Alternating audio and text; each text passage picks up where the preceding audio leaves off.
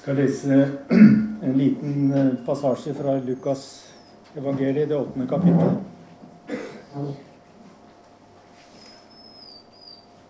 I tiden som fulgte, reiste Jesus omkring og forkynte i byene og landsbyene og bar fram det gode budskapet om Guds rike. De tolv var med ham, og noen kvinner som var blitt helbredet for onde ånder og sykdommer. Det var Maria med tilnavnet Magdalena, som sju onde ånder hadde fart ut av. Johanna, som var gift med Kusa, en forvalter hos Herodes. Og Susanna og mange andre. Med det de eide, hjalp de Jesus og de tolv.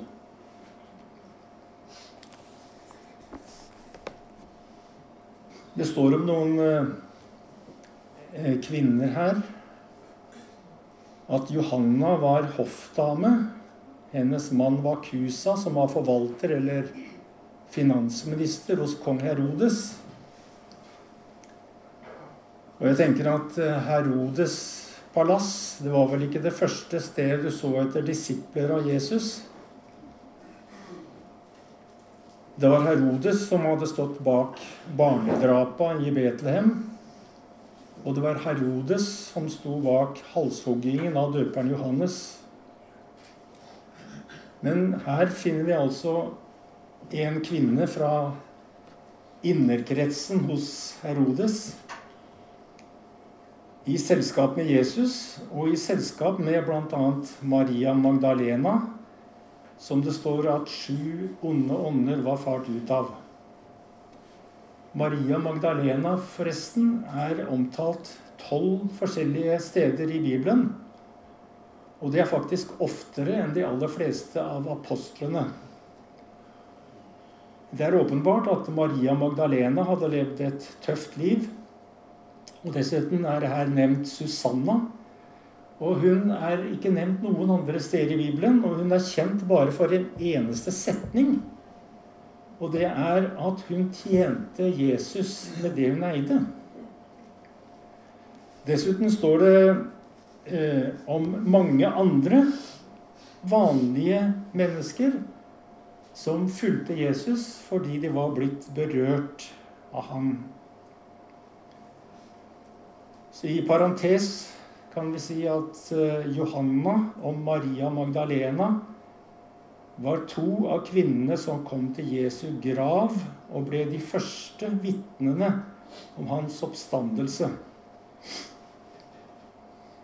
Sammen med mange andre, står det, tjente de Jesus med det de hadde. Og de var, akkurat som vi er, ytre sett veldig forskjellige. Vi treffer altså folk fra Herodes palass til prostituerte. Det var et stort spenn fra kongens slott til gatas folk. Noen hadde vært ute å kjøre, mens andre hadde vært mer heldige. Men poenget er at for Jesus er alle akkurat like. Og det som bandt dem sammen, var at Jesus på en avgjørende måte hadde berørt deres liv. Og uten sin kjærlighet til Jesus så hadde disse menneskene antagelig aldri møtt hverandre. Nå fulgte de Jesus med hvert sitt liv og hver sin bakgrunnshistorie. Og de tjente Jesus med sine forskjellige ressurser, både menneskelige og materielle.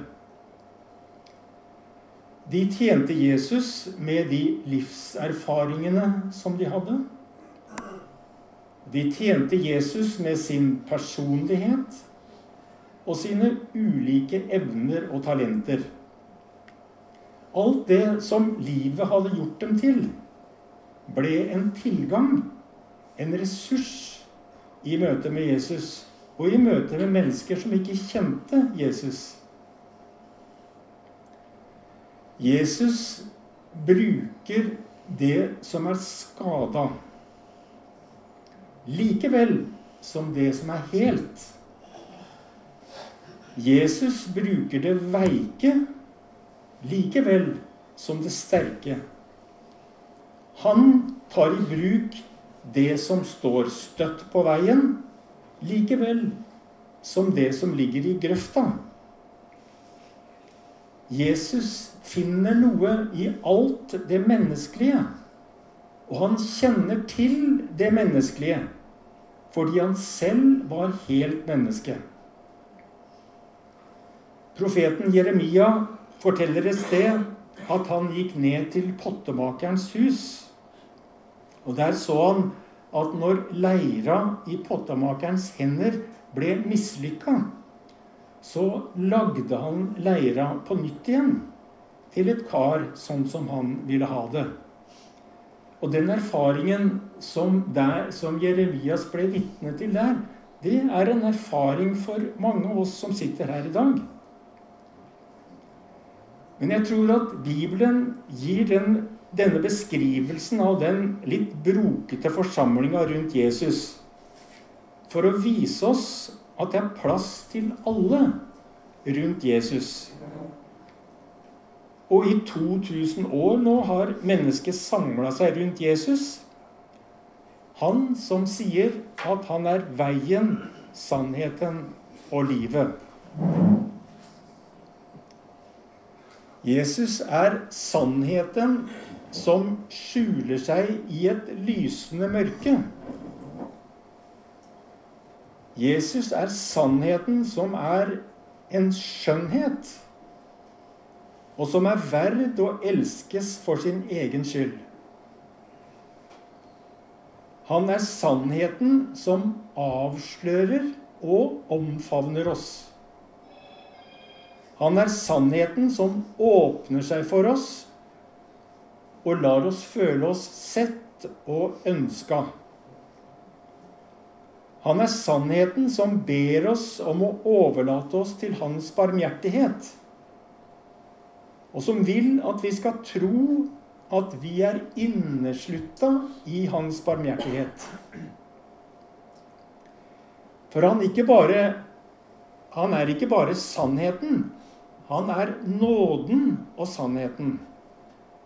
For sannheten uten nåde ville være et helvete.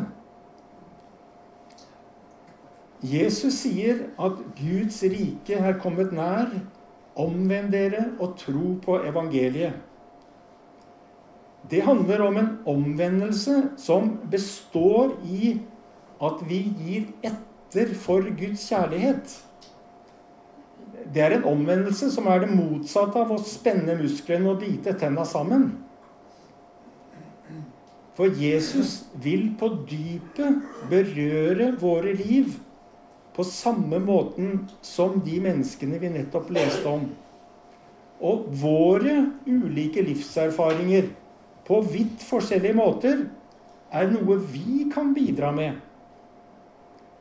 Det tøffe livet som Maria Magdalene hadde levd, var noe som kunne bety noe for andre. Fordi hun snakka samme språket. Og for de som tilhørte etablissementet, var Johanna fra Herodes hoff uunnværlig. Men de var også, det var også alle de andre som på hver sin måte kunne bidra med noe i kretsen omkring Jesus. Som vil samles om Jesus og tjene ham med det de eier. Med sine ulike evner og ressurser. Også i dag så er det en veldig sammensatt forsamling rundt Jesus. Vi behøver bare å se oss rundt. Men det som binder oss sammen, er at Jesus på en avgjørende måte har berørt våre liv. Vi samles omkring Jesus. Og apostelen Paulus han er veldig bestemt på akkurat dette punktet. Han sier et sted i 1. Korinteren 2, 1-5, at 'jeg ville ikke vite av noe annet hos dere enn Jesus Kristus og ham korsfestet', for at deres tro ikke skulle bygge på menneskelig visdom, men på Guds kraft. Det her er en viktig presisering. Det er åpenbart at apostelen her først av alt vil føre mennesker til et møte med Jesus. Paulus holdt seg bevisst til det som er basis i evangeliet. Og det er Jesus Kristus og ham korsfestet. Det er møtet med Jesus som er evangeliets brennpunkt.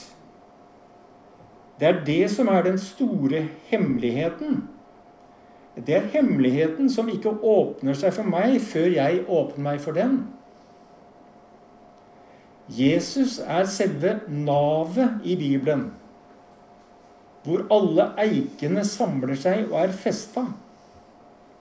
Og møtet med ham er hovedsaken i det kristne budskapet. Apostelen Paulus sier et annet sted vi forkynner en korsfestet Kristus, han er en snublestein for jøder og dårskap for hedninger. Men for dem som er kalt både jøder og grekere, er Kristus Guds kraft og Guds visdom. Da Jesu blod rant fra korset og drypte ned på jorda, da forteller evangeliet oss at hele jorda ble forløst ved hans blod. At verden ble frigjort fra djevelens grep, og menneskeheten frelst fra synden og døden.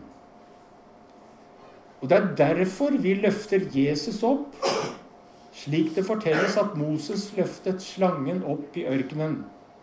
For at hver den som ser Jesus og tror ham, skal ha evig liv. Dette er evangeliet i all sin enkelhet, og dette er evangeliet i sin dypeste hemmelighet. For den som ennå ikke har tatt det første skrittet sammen med Jesus, så er det her det begynner.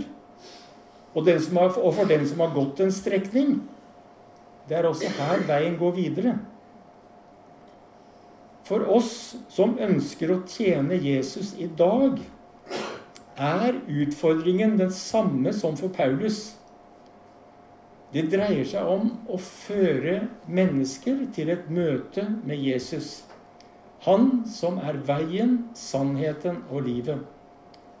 Han er veien som leder oss til himmelen. Han er sannheten som setter oss fri. Han er livet som han vil gi oss del i. Kirka kan ikke frelse noen. Vi kan bare hjelpe til for at mennesker skal finne Jesus. Så vil han frelse. Kirka kan ikke skape tro. Vi kan bare fortelle om Jesus. Så kan Den hellige ånd skape tro. Kirka kan ikke gjøre mennesker til disipler av Jesus. Vi kan bare være til støtte og hjelp for dem som søker Jesus. Så vil han gjøre oss til disipler. Vi er ikke lyset. Vi bare vitner om lyset. Og det gjør vi med bevisstheten om at det kan være vanskelig å få øye på. Men som Johanna, som vi leste om, og Maria Magdalena og Susanna og de mange andre, kan vi si det samme som Jesus sa til de aller første disiplene som søkte ham. Kom og se, sa Jesus.